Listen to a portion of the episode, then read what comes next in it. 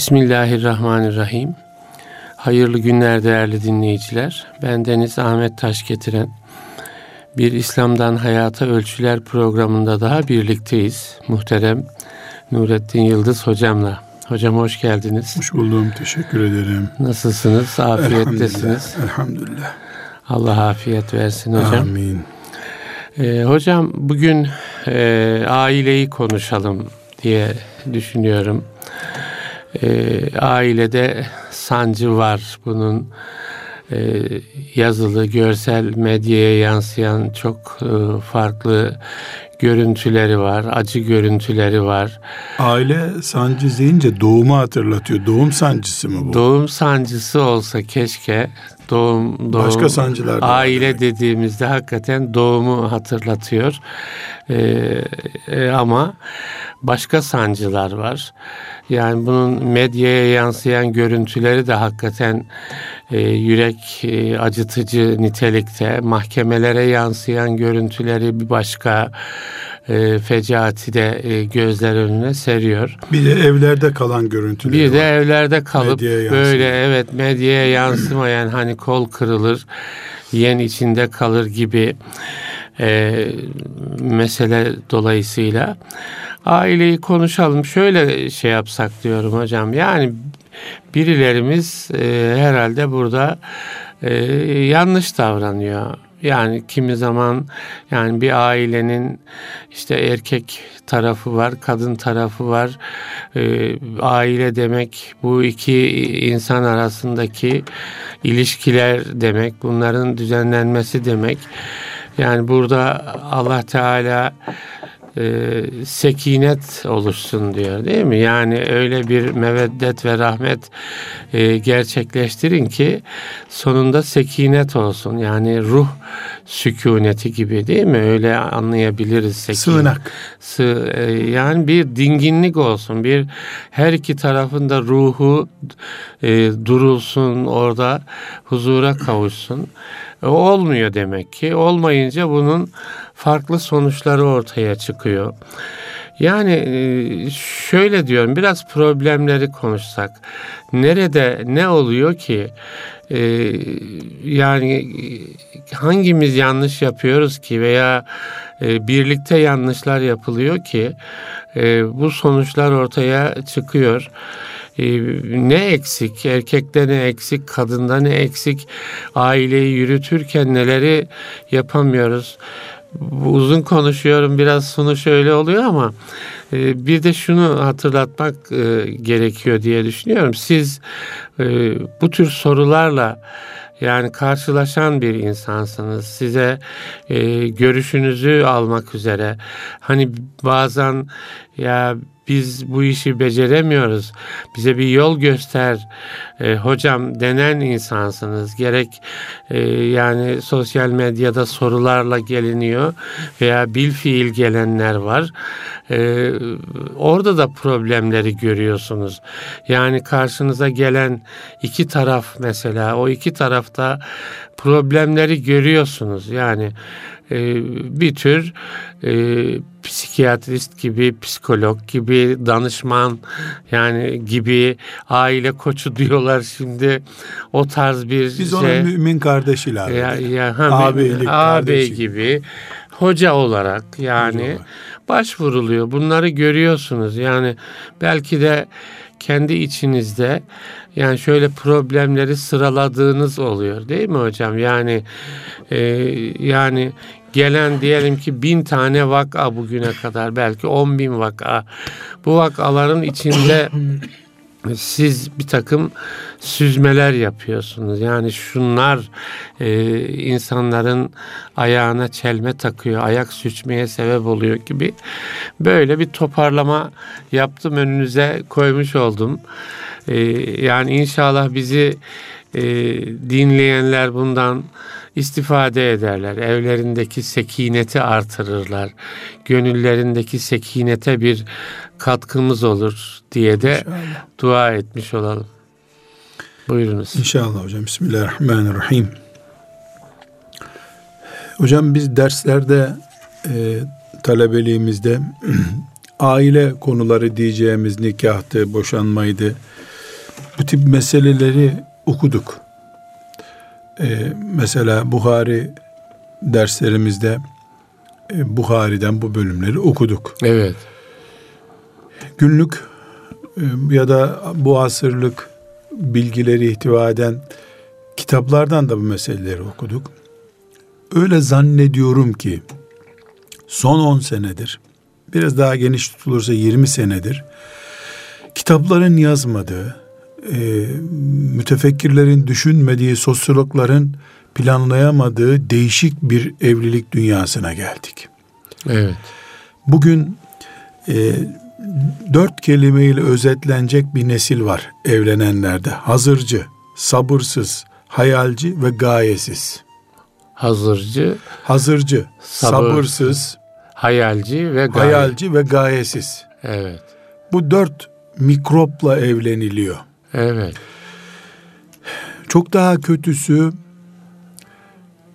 evlilikle ilgili beklentileri, insanların kendi fizyolojileri, kendi özel arzuları değil, e, topluma algı oluşturan dizi gibi vesaire gibi filmler, işte internet oluşturuyor insanların düşüncelerini, hayallerini. Evet. Ben işte şu yörenin genciyim, e, şu tarzda yetiştim, siyah severim, gri severim, böyle kendime ait bir profilim var benim. Evet. benim evliliğim de böyle olmalı diyemiyor insanlar. Bir dizide gördüğü görüntüyle, okulda arkadaşının e, reklamıyla, insanların e, dedikodusuyla evlilik yapılıyor. Dolayısıyla dengi dengini bulmuyor evlilikte. Hmm. Denklik. Yani asgari ücretli birisinin lüks bir galeride araba beğenmesi gibi bir şey. Tam tersi de mümkün. Yani serveti olan birisinin üçüncü el bir araba almaya kalkması gibi. Bu terslik yola çıkmadan arızalar oluşturuyor. Bu nasıl çözülecek? Bunu konuşmak çok zor. Evet. Ama e, benim biraz önce temas ettiğiniz günlük yazılı olarak yüzden fazla bir e, soruyla karşılaşıyorum. Günlük. Günlük. Evet. E, yani Bunların bunların ne kadarı aileyle ilgili?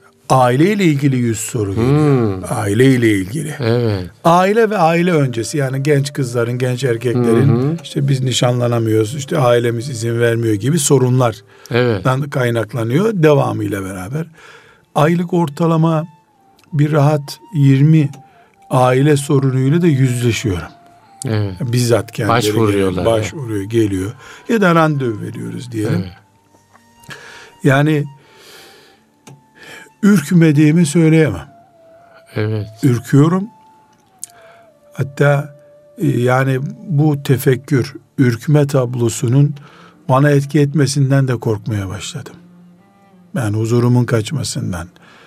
E, rahatsız olmaya. Bazı vakalarda e, Ürküyorsun. hiç ummadığımız tipler, ummadığımız Meseleler. şahsiyetlerin basit meseleleri veya korkunç boyuttaki meselesi gece uykumu rahatsız ediyor. Yani Evet. çocuk bir şey Yani görüyor. belki nereye gidiyoruz gibi bir o, o açıdan yani evet. belki şahsıma bir şey olacağı açısından değil ama ya ben bir hocayım. Ya İnsan- Nasıl toparlanacak bu toplum? Müslüman Yani- toplum gibi. Mesela kanunla toparlanamayacağını e, iyice kanaat ettim ben. Evet. Hiçbir devletin buna müdahale gücü yoktur. Evet. Mesela bizim devletimizde kanun çıkarıyor devamlı. Yaptığı iş kadınları hep koruma altına alıyorlar. Kanunla, fiili, polisi, savcılığı ile Evet. kadını koruma altına alıyor. Ben onu şöyle görüyorum. Kış günü hani her taraf eksi buz olmuş. Ondan sonra sen kapının önü kar tutmasın diye yıkıyorsun kapının önünü. Evet. Kar erisin diye. Ee, Ama iki adım sonrası ha bir dakika buzlu bir havada kapının önünü yıkamak orayı kaygan hale kaygan getirmek hale demek. getir. Evet. Yani devletin kadına karşı aldığı tedbir bu anlama geliyor. Evet. Yani erkeğin elini kolunu bağlıyor. Kadının eline de kırbaç veriyorsun. Mesela. Evet. Bu bir ters denklem oldu. Evet. Yani burada devlet müdahalesini bile aşmış gibi duruyor sorunumuz, aile sorunumuz. Bu e, sosyolog, Müslüman sosyolog kardeşlerimiz, Müslüman Psikolog. psikolog kardeşlerimiz bunun derinlemesine tahlilini yapmalılar.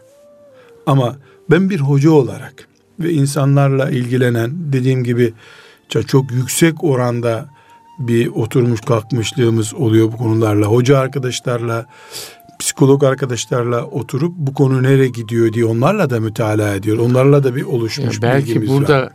ya hocaların yani psikoloji bilmeleri zarureti de ortaya çıkıyor. Hocam e, Sosyoloji, başta Gazali psikolojisi olmak Evet, üzere evet. psikoloji bilmeyen insanlara cuma hutbesi bile okumamalı.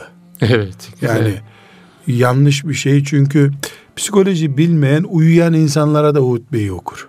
evet. Uyandıracak ikinci bir refleks gösteremez. Ee, Yani bu ayrı bir konu Evet. aman ona dalmayalım hocam. Hocam benim yani bu hazırcı, sabırsız, hayalci, gayesiz e, evlilik yapan gençlerin bir alt yapısı yani çürüme açısından bir altyapı sorunu olduğunu düşünüyorum. İki satırla Ha, isterseniz lütfen. ona temas edip sonra ailenin Lütfen. içine girelim. Bir kere hocam kirlilik boyutunu bile aşmış bir göz kirliliği var. Evet. Ben Çok çok. sizden özür diliyorum. Muhterem dinleyenlerimizin de e, lütfen istirham ediyorum. Bunu bir zaruret olarak dinlediklerini kabul etsinler, müstehcen kabul etmesinler. Bir genç, delikanlı, tesettürlü veya tesettürsüz, kaç bayan görüyor demeyeceğim. Kaç bayanın beden ayrıntılarını günde görüyor. Evet. Yani bir 20 yaşında delikanlı üniversiteye giderken veya işe giderken yarım saat İstanbul şartlarını mesela konuşalım veya Anadolu şartlarını evinden işine yarım saatte gittiğini düşünelim ve iş yerinde hiç bayan görmediğini kabul edelim. Evet.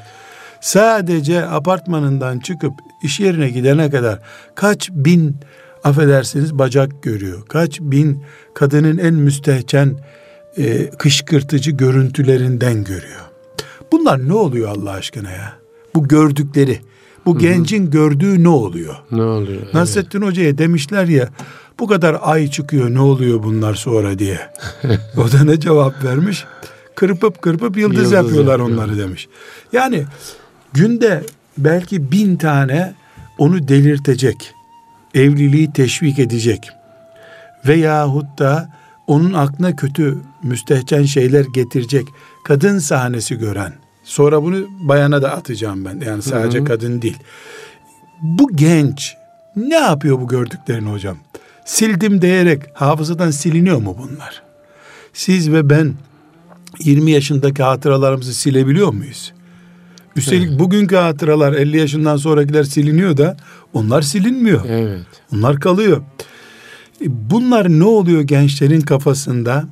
Bunlar 30-50 sene önceki gibi annesinin ona teklif ettiği teyzesinin kızını işte tarladan gelirken ilk defa görüp onu ona aşık olan delikanlı kaybolmuştur dünyadan artık. Evet. Kadının nev'ine aşık olmuş bir delikanlımız var. Ne demek o? Yani Ahmet Aysel'e aşık değil artık. Ahmet kadın cinsine aşık. Evet. Yani Kadın cinsine aşık olmanın getirdiği bir psikoloji var. Nedir o? Aysel'le evlendiği zaman bu asla mutmain olmayacak. Bir kadına aşık değil çünkü. hmm, Biz mesela liraya aşıkız, bir liraya aşık değiliz. evet. Dolayısıyla bir lirayla yatıp uyumuyoruz hiçbir zaman. Evet. Maaş deyince bir ay aldığımız maaş değil, ömür boyu alacağımız maaşı istiyoruz biz. Bugünkü göz kirliliği, e, kadın erkek arasındaki ilişkilerin mubah düzeyinin buharlaşacak hale gelmiş olması, yani haramların kaldırılmış olmasının geldiği nokta erkeğin kadın cinsine aşık olmasıdır. Sapıklık derecesinde. Evet. Bu bir sapıklık noktasına getirdi. Filanca beş kişi, filanca on kişi böyle değil. 80 yaşında, 60 yaşında siz benim gibi ihtiyarlar böyle değil diye bu kural değişmez. Biz bir defa burada evliliğe aday, bugün evlenmiş, seneye çocuğu olması muhtemel genç nesli konuşuyoruz değil mi? Evet, evet. Yani bizden iş geçti yani yaşların konuşulacak bir onların da sorunu var. Yok ayrı bir mesele de bizim şu anda muhatabımız genç nesil. Evet. Yani anne olması, baba olması gereken yaşı 20 ile 30 yaşı arasındaki nesil yuvayı niye ayakta tutamıyorlar? Bunu konuşuyoruz Evet, biz. evet. Ana konumuz bu. Öbürleri de konumuz belki ama onlar da gitgide düşüyor. Mesela 40 yaşında azalıyor bu. 60 yaşında azalıyor olması lazım ama 40 yaşlı boşamaları da çok yüksek. Evet. Bu ülkede evlilikten 10 gün sonra boşanma düşünen kız ve erkeklerin bulunmasının başka hiçbir izahı yoktur. Hani bir sene sonra kaynanasıyla kavga etti diyelim. Ona bir anlam vereceğim. Evet. Bir sene sonra işte hamileliğinde hanımına eziyet etti. Onun için boşanmak istiyor. Buna anlam vereceğim. Evlenip bir hafta sonra niye boşanmayı arzu eder insanlar? Çünkü aradığı filan kız değil. Aradığı filan oğlan değil. Aradığı bunun cinsiyettir sadece. İnsanlık ölümcül olan bu noktaya doğru hızlı bir şekilde gidiyor. Çok hızlı bir şekilde gidiyor. Dolayısıyla bir erkeği bir kız asla tatmin etmiyor evlendiğinde. Onun ikinci gün 20 tane kusurunu buluyor. Mesela ben bana sayar mısın lütfen eşinizin hatalarını diye dediğimde yarım saat dırdır ediyor. Dırdır diyeceğim ciddi bir şey söylemiyor. Hı. Sonunda o anlamda yani. Yavrum değil boşanmayı bağırmayı bile gerektirecek bir şey rastlayamadım ben diyorum. Söyledikleri. Söyledim saydım ya size diyor. Evet. Saydığı şeyler mesela benim telefonumla fazla ilgileniyor diyor. Evet. Nasıl ilgileniyor telefonunla diyorsun? Cep telefonu süper bir e, bozucu fitne şimdi. Nimetken bela oldu başımıza. Niye? Kimle görüştün diyor bana. Ya eşim bir kere sordu arkadaşının adını söyle. Bana nasıl sorar diyor. Benim irademe engel olmak için mi evlendim ben onunla diyor. Yani böyle Einstein mezarından kalksa bu ne biçim felsefe diye şaşırır herhalde. Felsefeye bile girmeyecek kadar yani böyle bir, bir, bir şey mi söylemek istiyor diye seni düşündürtmeyecek kadar adi. Kuruş etmez şeyler üzerinden 20 günlük yuva yıkıyor. Bir aylık yuvada umutsuzum diyor. Ben bunu tekrar vurguluyorum. Erkek kıza aşık olur. Fıtratımızda var bu. Evet. Adem Aleyhisselam'ın ilk çocuklarından itibaren var bu. Rabbim böyle koydu. Yani Evet. genlerimiz bu bizim. Ama İki cins birbirine yönelir yani. bu anlattığım her şeyi kız tarafından alıp erkeğe de havale edebilir. Erkek, kız, erkekleri de kızlar böyle görüyor. Evet. Yani özü nedir Er- kızın? İnşallah bir beyim olur benim. Bu beyim bıyıklı, işte sakallı, ne, neyse onun yöresel anlayışı. Hı hı. E, Ben onun hanımı olurum, o benim kocam olur, çocuklarım olur vesaire. Hayır. Bunun adını da değiştirdiler. Şimdi hayat ortağı diyor. Hmm. Hayat ortağı buldum kendime diyor. Yani hayatta ortaklık anlayışı. Erkeklik, kadınlık, kocalık, hanımlık anlayışı değil.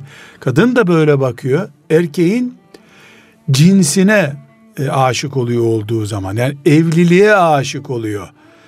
Evlilik atmosferine aşık oluyor ki kızların bir artı sorunu daha var burada.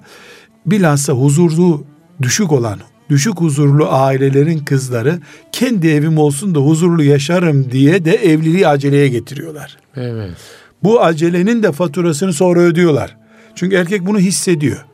Bakıyor ki bu babasından sığınmaya geldi gibi. Bunu kız gizlese de bir noktadan sonra açılıyor bu.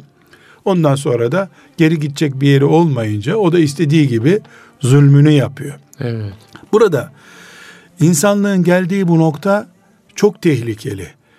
Bir kız bir erkeğe aşık olur. Fıtratta var bu. Bu doğal. Bir erkek bir kıza aşık olur. Bu da doğal fıtratımızda var. Helal yollarla bunlar evlenirler. Yuva kurarlar.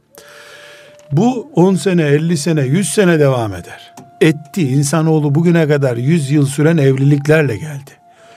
Ama boşanma olmadı mı hiç oldu. Ashab-ı kiramda kadın boşadılar. Fakat boşanma oranı diyelim binde bir. Olsun olsun yüzde birdir. Evet. Şimdi boşanma oranı ile evlenme oranı aynı hale geliyor. Bu ne demek aynı hale gelmiyor? Yani 100 kişi boşanıyor, 100 kişi evleniyor demek insanlık boşa kürek sallıyor demek. Yani biz musluğu açmışız su boşa gidiyor demek. Depolarımız bitiyor. Biten insanlıktır. Ki siz biraz önce mesela polise intikal eden, aile danışmanına intikal eden dediniz. Evet. Bir de bir yere intikale gerek durmadan çürüyerek devam eden aile sayısı var. Ki bunlar bir yere müracaat da etmiyorlar, edemiyorlar. Çünkü ama, kan- ama çürümüş içten. kanun ne diyor? Bana bir sene boşanma için müracaat edemezsin diyor. Ne demek bir sene boşanmak için?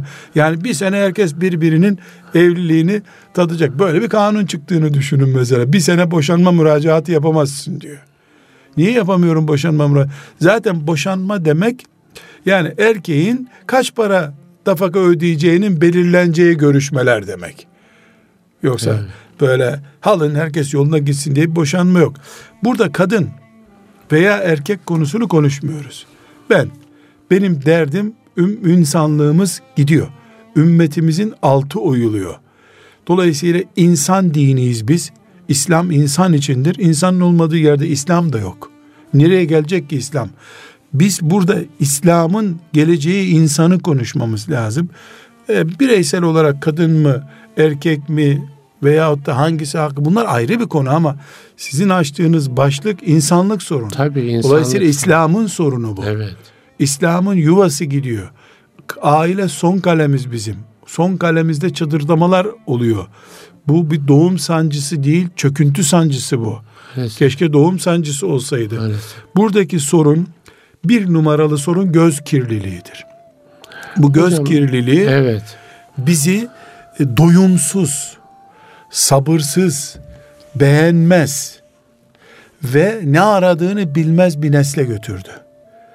Filmlerdeki, reklamlardaki, sokak billboardlarındaki gördüğü yakışıklı delikanlıyı istiyor. Gördüğü güzel kızı istiyor insanlar. O kız yok aslında. Öyle bir kız yok. Çünkü o kızla da evlendirilse o, başka bir reklamdaki bir kızın tipini arayacak. evet. Yani mesela ben erkeklere sorduğum klasik sorularım var. Eşin çok zayıf onun için mi beğenmiyorsun? Eşin çok kilolu mu? Mesela erkeklerin e, negatif gördüğü e, parazitlerden biri. İşte 40 kiloydu 80 kilo oldu gibi. Hı hı. Bu mu? Emin olun üstadım nasıl yani diye cevap veriyor.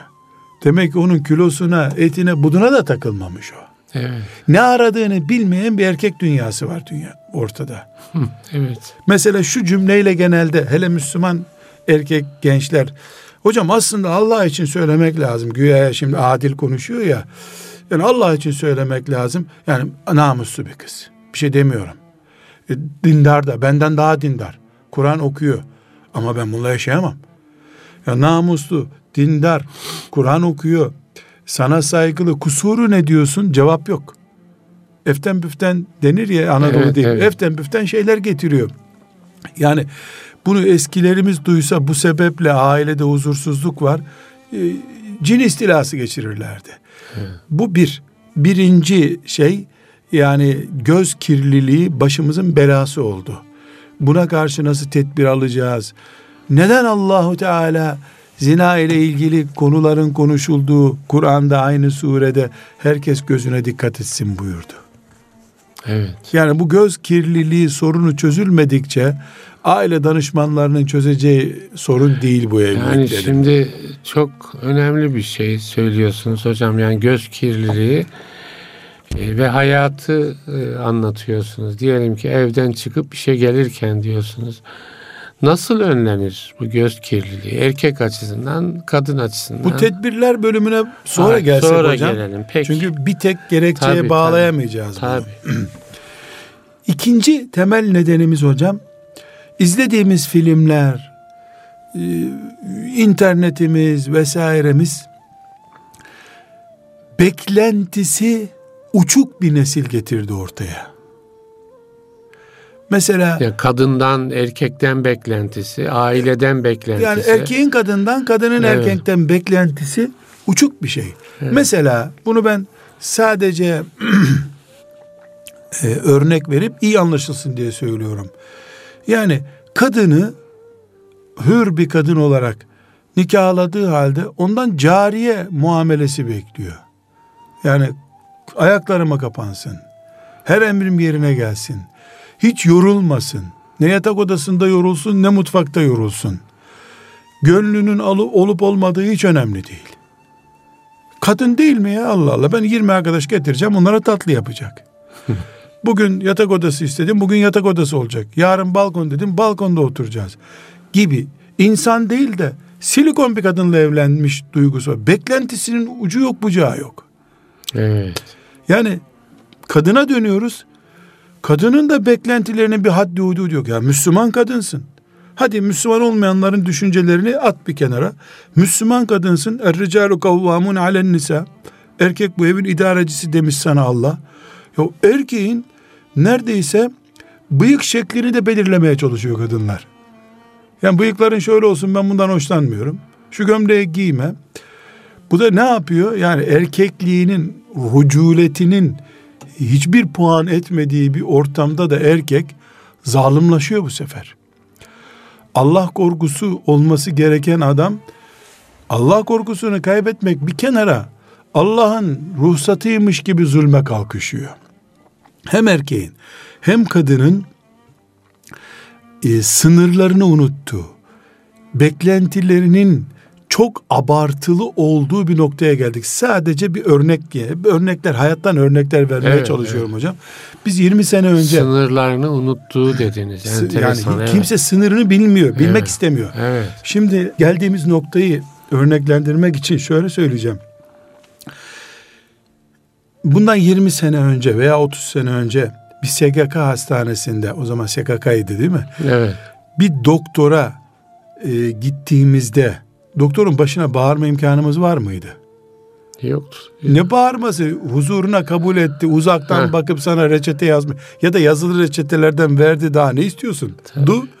Şimdi hastalara hasta hakları hasta hakları diye diye bir noktadan sonra doktor el pençe buyurun efendim hastaya demek zorunda kaldı. Ters döndü dünya. Evet. Bu zulüm tabi. Yani zalıma zulüm yapılmaya başlandı. Bunun ortası olabilir. Doktorun doktorluğunu bildiği, hastanın hastanısının hastalığını bildiği, herkesin kanun enişinde, önünde eşit olduğu insanca bir ortam bunun doğası. Evet. Ama doktorlar epey yıllar insanlığa zulmettikleri için bir miktar çekecekler gibi görünüyor. Hasta dövmesin beni diye uğraşacaklar herhalde. Evet. Şimdi yani bizim beklentilerimiz kadın ve erkek açısından beklentilerimiz anormalleşti diyoruz ya. Bunu doktorlardan neden örnek verdim? İnsan hakları, hasta hakları kelimesi kullanıla kullanıla hastalar yani neredeyse e, lütfedip hasta olup doktora geliyorlarmış gibi bir şey inandılar kendilerine. Kendilerinde bir lüks görmeye başladılar. Gençlik ve yeni evlenen gençler, aile kuranlar, işte demokrasi, insan hakları, özgürlükler filan derken bunun hanımına da e, karşı uygulayabileceğini, ondan sonra kadının da kocasına karşı da uygulayabileceğini yani aile olmanın, karı koca olmanın getirdiği ortak hukuk zemini olmadığını düşünüyorlar. Herkes bireyliğiyle geliyor aile. Yani asırlardır birikmiş bir erkeklikle geliyor erkek. Evet. Kadın da bütün dünyanın devletlerinin arkasında olduğu bir güçle geliyor. Ortada aile eriyip gidiyor tabii. Evet. Kaybeden yine aile oluyor. Evet. Kaybeden insanlık oluyor. Buradaki bu e, noktayı ben kulluğumuzu unutma diye isimlendirmek istiyorum. Evet. Kulluğunu unutmuş bir nesil. Kulluğu yani göz kirliliği bir, iki kulluğunu unutmuş bir nesil. allah Teala'nın kulu olduğunu, fani olduğunu, günün birinde ölüp gideceğini, hatta belki bir hastalıktan sonra hanımının ona bakması için ona yağlar yakacağını, elini ayağını ya. öpeceğini, yani kul olarak birbirimize muhtaç olduğumuzu unuttuğumuz bir dünya evliliği yapıyoruz biz. Başımıza gelen ikinci bela bu. Yani hele üniversite bitirdiyse, askerlik yaptıysa, iş bulduysa, bir de kutsal memurluk bulduysa bir yerden, e tamam dünya o. Evet. Bu ikinci neden. Üçüncü e, çok güçlü bir neden, kadın parayla buluştu. Parayla kastım iş. Evet. İşle buluştu kadın. Çok eski kültürde zengin kızıyla evlenen naz çeker diye bir şey vardı. Evet. Yani zengin kızıyla evlendin şımartıp duracaksın onu. İkide bir babasının evine giderdi.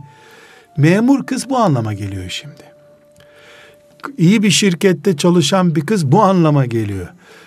Kadının memur olması, işçi olması, çalışması direkt haram olan bir şey değil. Yani kadın çalışınca haram olur diye bir şey yok. Yok. Evet. Şeriatımız böyle bir şey dememiştir. Yani kadın çalışmaz sözünün İslam'da yeri yok. Evet. Ama kadın analığını feda eder mi etmez mi diye bin sayfalık yer var. Yani iki, kadın aile huzurunu feda edip çalışabilir mi? Böyle bir soru var. Kadın kocasının gözünün harama kaymasına sebep olacak şekilde çalışabilir mi? Bu sorunun cevabı var. Bu bu bu dolu. Meseleyi kadın çalışamaz diye anlamak yanlış. Çalışırsa ortaya çıkacak vahim sonuçların bir tanesi de ailenin bizzat kendisi olursa değer mi bu çalışmaya? Bugün mesela e, karşılaştığımız en önemli sorunlardan biri çalışan kadınların ellerine aldıkları ekonomik güç. Ekonomik güç onlara hadlerini unutmayı, kul olduklarını unutmayı getirdi beraberinde. Kul olduklarını unutunca da e, kanuna güvendi, dedikodusuna güvendi, diplomasına güvendi. Öbürü de kocası da benzer şeylere güvendi. Çekti gitti. Tersinden de bir şey e, var hocam. Yani şöyle bir şey. Niye mesela aileler e, kızlarının ileride bir meslek sahibi, iş sahibi olmasını istiyor? Çünkü yani hani koca bu kadın çaresiz. E, benim evime gelirse benim her türlü zulmüme e, razı olmalıdır e, tarzında bir algı kocada. Şimdi bu algı kadını mazlum hale getiriyor.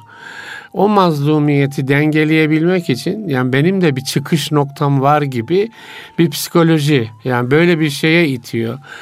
Bir bu var. Bir de ayrıca şimdi tek maaşla geçinilemediği e, gerekçesiyle bizzat kocaların yani eşim çalışsın hatta çalışan birisini eş olarak arıyorum gibi beklentileri var yani. Biraz daha da var. Çalışsın geçindirsin de der erkek. hazır hazır çalışıyor kadın ben de geçindirir diye düşünebilir. Evet, evet. Şimdi hocam yani ben erkek haklı manasına demiyorum bunu. Bu noktaya gelirken zalim erkeklerin yüzünden Evet, gelindi ayrı bir mesele bu. Evet. Ama ortadaki bir zulmün varlığı başka bir zulümle telafi edilirse bu hata. Bunu konuşmamız Tabii. gerekiyor. Yani Evet. bu erkeklerin e, 100 yıldır, 200 yıldır yaptıkları zulmü 300 yıl sürecek başka bir zulümle mi telafi etmemiz lazım? Şimdi erkek kadına zulmediyor diye kadın hür olsun diye çalıştırdık kadını. E doğurduğu üç çocuk o anneden zulüm görüyor işte olduğu için anne. Evet. Bu da bir zulüm çeşidi. Erkek kadına zulmediyordu. Şimdi kadın anneye zulmediyor olacak. Ben çalışıyorum diye 8 saat çocuğundan ayrı yaşayacak kadın. Bu da çocuğa zulüm. Evet. Yani bu- bunu da ne yapacağız bu sefer? Neyle telafi edeceğiz? E, eve hizmetçi Şimdi tabii getireceğiz. Yani biraz önce ben göz kirliliği nasıl önlenir dediğimde çare kısmına geleceğiz dediniz. Aslında bazı tıkanmalar da var hocam. Yani belki bu konuyu da yani çare kısmına geldiğimizde nasıl çözeceğiz sorusunu şey yapmamız lazım değil mi? Kadının yani çalışamaz şeyi İslam'la alakalı değil kadının. Değil. Ama değil. çalışır, nasıl çalışır değil mi? Nasıl çalışır ve çalıştığında diyelim ki ailedeki konumunu nasıl yaralamaz? Artı eksileri nasıl Ha, toplayacağız? Nasıl toplayacağız? Yani bu da önemli bir soru olarak. Şüphesiz. Evet. Şüphesiz. Yani şunu yapmak doğru değil hocam. Vay bu kötü sil. Evet. Bu da kötü sil. Ne yapacağız Ne yani? yapacağız? Evet. Yani kötüyü teşhir etmek, kötüyü tanıtmak yetmiyor. İyinin Hı hı. bir yer bulup iyinin yerleşmesi lazım. Evet. Bizim yani ta en başa dönüp işte göz kirliliği, iman zayıflığından kaynaklanıyor. Emri bil maruf yapılmıyor toplumda. İşte devlet e, müsamaha ediyor.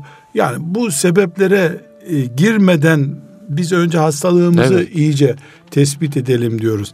Burada dördüncü bir sebep daha var. Bir dünyevileşme hastalığı hadis-i şerifte belirtildi. Yani vehen diye hadis-i şerif var ya. Evet. Bir dünyevileşme hastalığı kemiklerimize kadar işlemiş durumda. Bu dünyevileşmenin çok mobilya almak, işte lüks evlerde oturmak e, veyahut da işte her sene halıyı değiştirmek, işte perdeleri üç kat dört kat yapmak ya bu boyutlara girmiyorum.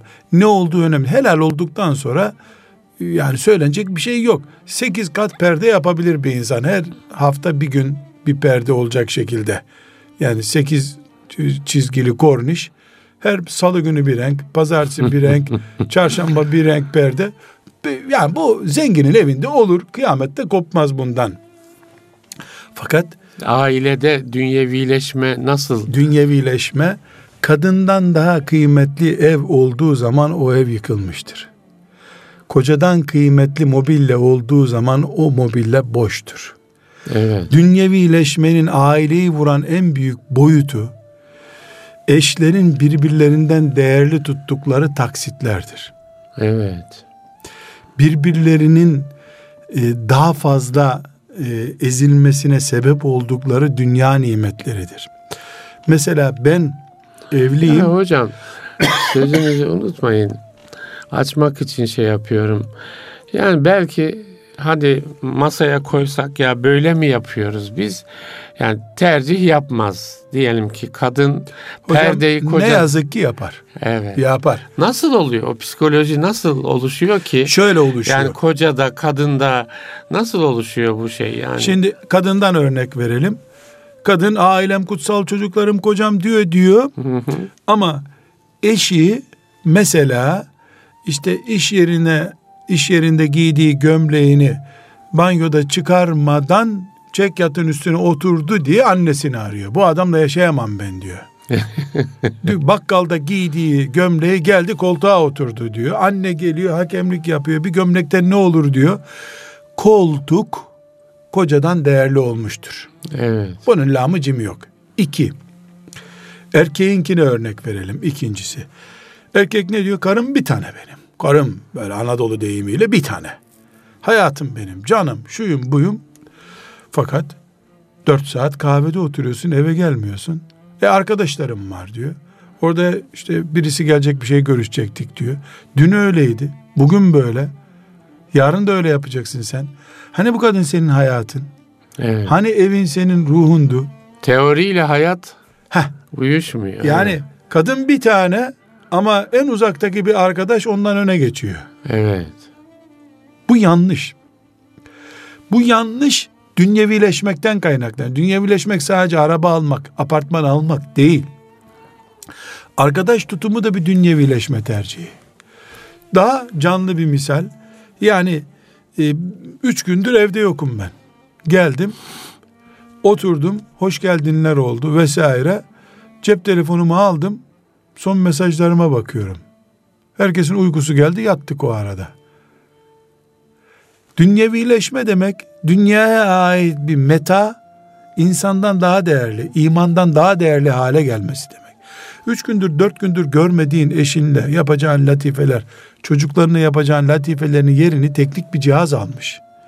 Dünyevileşme yani alet ve edevat biyolojik insandan daha değerli hale geldiği zaman öbürü de benzer şeyi yapacaktır.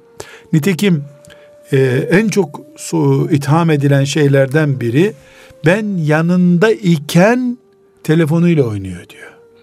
Evet. Bu soru belki öğretmenlerin velilere cevap yapması gereken bir şikayet. Oğlunuz derste hep telefonla oynuyor denilecek şekilde. Şimdi kadın bunu bu cümleyi belki ayda bin defa duyuyorum üstadım. Evet. Rahat bin defa duyuyorum. Benim Evet, yanımda telefon bir afet haline geldi evlerde. telefonun kendisi değil içindeki internet. evet. Diyor ki e, ben yanında iken telefonla o meşgul oluyor diyor. Evet. Şimdi ben bilmiyor gibi durup arkadaşı aramıştır diyorum. Kimsenin aradığı yok diyor. Oynuyor, telefonla oynuyor diyor. Evet. Kaç yaşında eşin diyorsun? 28 yaşında. Kaç senelik evlisiniz? 6 senelik evliyiz. Telefon ki bir alet bu. Bu alet Allah'ın emaneti olarak aldığın kadından değerli olduğu zaman dünya seni işgal etmiş demektir. Bu aynı zamanda namazdan da seni alıkoyuyordur. Evet. O telefon yüzünden sen bir sayfa Kur'an'da okuyamıyorsundur akşam. Yani tek sorun sadece o evet. kadın sorunu değil. Kadın da bunu yapıyor mu? Kadın da yapıyor. Kadın da hep çocuğuyla uğraşacak yerde o da telefonla uğraşıyor. Yani burada dünya bir dalga olarak, fırtına olarak erkeği de kadını da istila etmek üzere. Biz müminler olarak buna tedbir almak zorundayız. Beşinci bir başka gerekçe çevre etkisi üstadım. Evet. Çevre etkisi. Ben e, bir aile mahkemesine şahit oldum. Kaynana yani hakikaten zalim. Hazreti Ömer bulsa bir ton dayak attırırdı ona yani. Öyle bir öyle bir kaynana. Dinledim. Kadın koca konuştular. İki kaynana da orada. Kaynana da kaynanalar da savundular. Konuştuk. Haksız bulduğum e, kadın kaynanaya 60 yaşlarında var. Dedim ki yenge hanım dedim. Sizden bir şey rica edeceğim dedim. Siz bu konuşulanlardan hiç mi etkilenmediniz dedim. Etkilendim dedi. Yani dedim siz haksız değil misiniz dedim. Şimdi ben ağlamasını, helallik istemesini bekliyorum. Çünkü damat konuştu. Yani ben anneme bir şey diyemiyorum ne yapayım dedi. Evet. Dolayısıyla annesinin haksız olduğunu işaretti. Kadın zaten bir konuştu. Kaynananın kaçıp gitmesi lazım. Kaçmadı. Öbür kaynana konuştu. Söz ona geldi.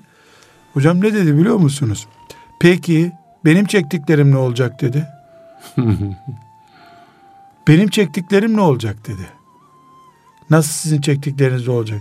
Ben ne çektim Sivas'ın köyünde biliyor musunuz siz dedi. Ha, kendisi önce Tabii, o da gelinmiş. Gelinken çekmiş eziyetler. Onlar depoya konmuş. Ne olacak onlar? şimdi kullanıyor. Ha, ben intikam almazsam benim gelinimden ne olacağım ben diyor. Üstadım irkildim. Dedim teyze sen Demek Allah'a ki böyle bir zihniyette var. bu bu zalim anlayış var. Evet. O da ağlıyordu kaynanasından. Yeminler etmiştir o zaman bir gün gelinim olursa ben bunları alacağım diye. Ya o tersinden de olmaz mı hocam? Yani ya bana çektirdiler. Ben gelinime çektirmeyeyim bari falan. O bekleniyor. Öyle oluyor. Olmaz olur mu Öyle canım? öyle de var belki. Yani bunu ben böyle Hı hı. bir parazit örnek var dünyada. Hı hı, evet. Bu parazit bir örnek. Benim çektiklerim ne olacak dedi. Evet. Dedim teyze sen ahirette bir şey almak istemiyor muydun dedim. Hı hı. Çünkü Müslüman yani burada benim önümde oturuyorlar Müslümanca dinden imandan konuşuyoruz. Allah korkusu hatırlatılıyor. Mesela gelin ona bir şey itham etti. Estağfurullah dedi. Hı. Yani bir Allah korkusu da var. Tesettürlü insanlar bunlar. Bu bu hata Evet. yani çevrenin zulmü aileyi dağıtıyor. Bu çevre zulmünde anne babalar birinci plandalar. Mesela çok basit bir örnek. Anne babalar çocuklara işte üç tane bilezik takılmış, iki tane düğün salonunda bir şey takılmış. Ona tenezzül ediyorlar. Ya bu kadar bir şey olur mu ya? Evet. Bize verin onları. İlk kavga oradan başlıyor. Hı hı. Biz Sen- ma- masraf yaptık falan gibi mantıklar. Masraf olsun veya olmasın. Evet. Dün bir tanesine cevap verdim. Bilinen bir isim yani benim tanıdığım bir isim. 20 tane gelin yapacak kadar bütçesi olan bir adam e, eve gitmiş. Verin bana siz çocuksunuz bunlara sahip olamazsınız demiş. Toplamı da 3-4 bin lira bir şey yani. Evet. Yani güler insan bu kadar bir şey. Niye tenezzül ediyorsun? Bırak çocuklar harcarsa harcasın kendileri sonra uğraşsınlar. Evet. Yani anne babalar bir noktada durmayı becermeleri gerekiyor. Uzaktan kontrol gibi, irşat gibi bir vazife yapmaları lazım. Anne baba savcı gibi durmamalı. Savcı gibi durduğu zaman e, bu bunun sonu çok kötü olur. Anne baba bir önce evlenen ablalar, abiler ifsad ediyorlar. Bu çevre diyorum ya çevreyle Hı hı, kastım. hı hı. Yani kendi düğünündeki başarısızlıkların onun da e, karşısına çıkacağını söylüyor. Evlilik beladır diye söylüyor. İyi olan çekip gidiyor balayında kayboluyor. Sıkıntısı olan bunu yayıyor. Evet. Yani bir tür akıllı evlenmez. gibi bir mantık Evet. ortaya çıkılıyor, çıkarılıyor. Bu çok tehlikeli bir durum. Çevredekiler bir de kul hakkı işgali yapmış oluyorlar. Yani kul hakkı zulmünün sahibi oluyorlar kıyamet günü. Kötü örnek olarak, kötü irşat yaparak, e, kötü yönlendirme yaparak. Bu noktada e, bir sıkıntı var. Altıncı tespit edeceğimiz nokta üstadım. Gençler kültürlerine çok güveniyorlar evlenirken. Evet. Ne demek o hocam? Bu şu demek hocam. Şimdi ben e, çok e, böyle abilik yapma noktasında oldum. Elhamdülillah bundan haz duyuyorum.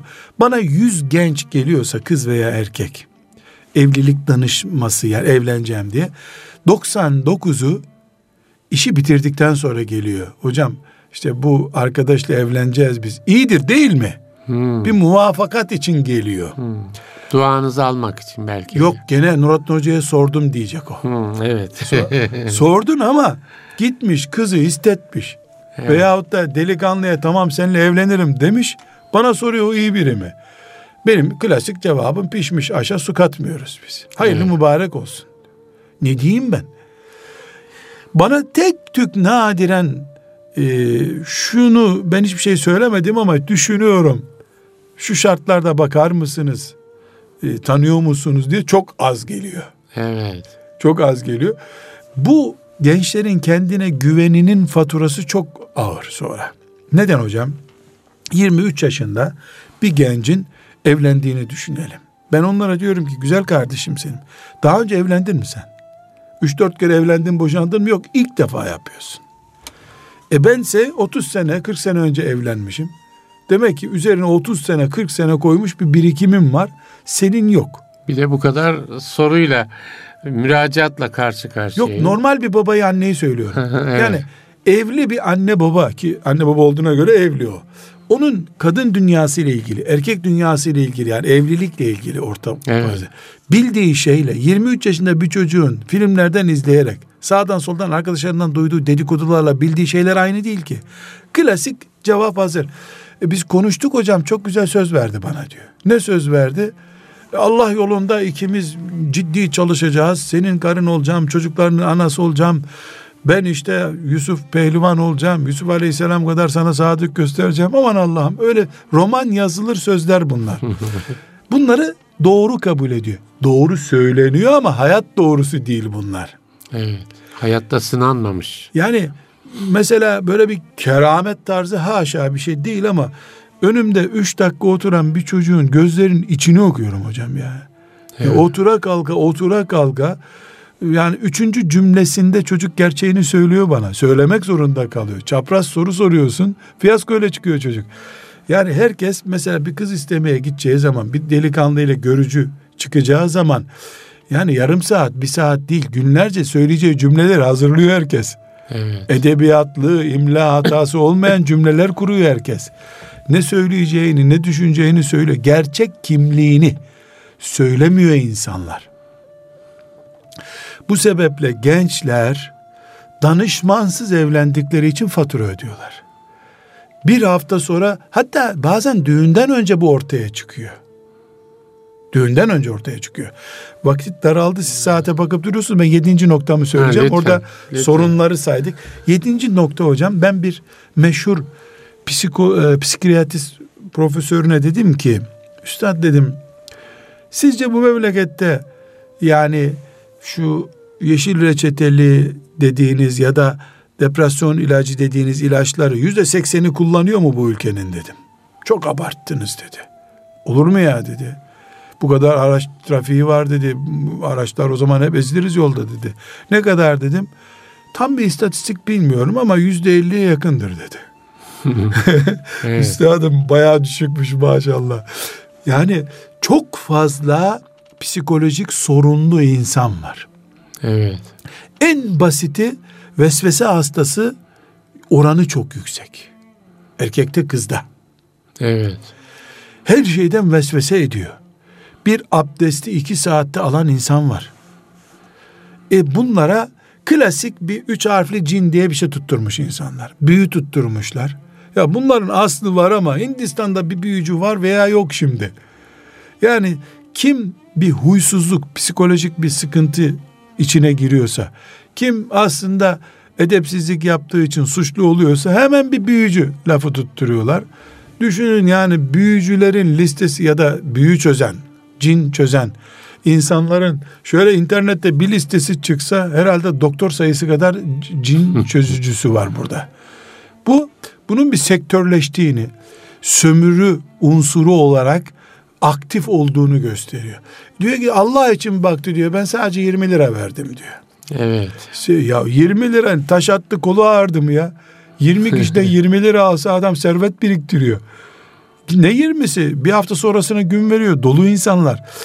Bir bedavadan cincilik çıktı piyasaya. Cin. Üç harfliler, üç harfliler.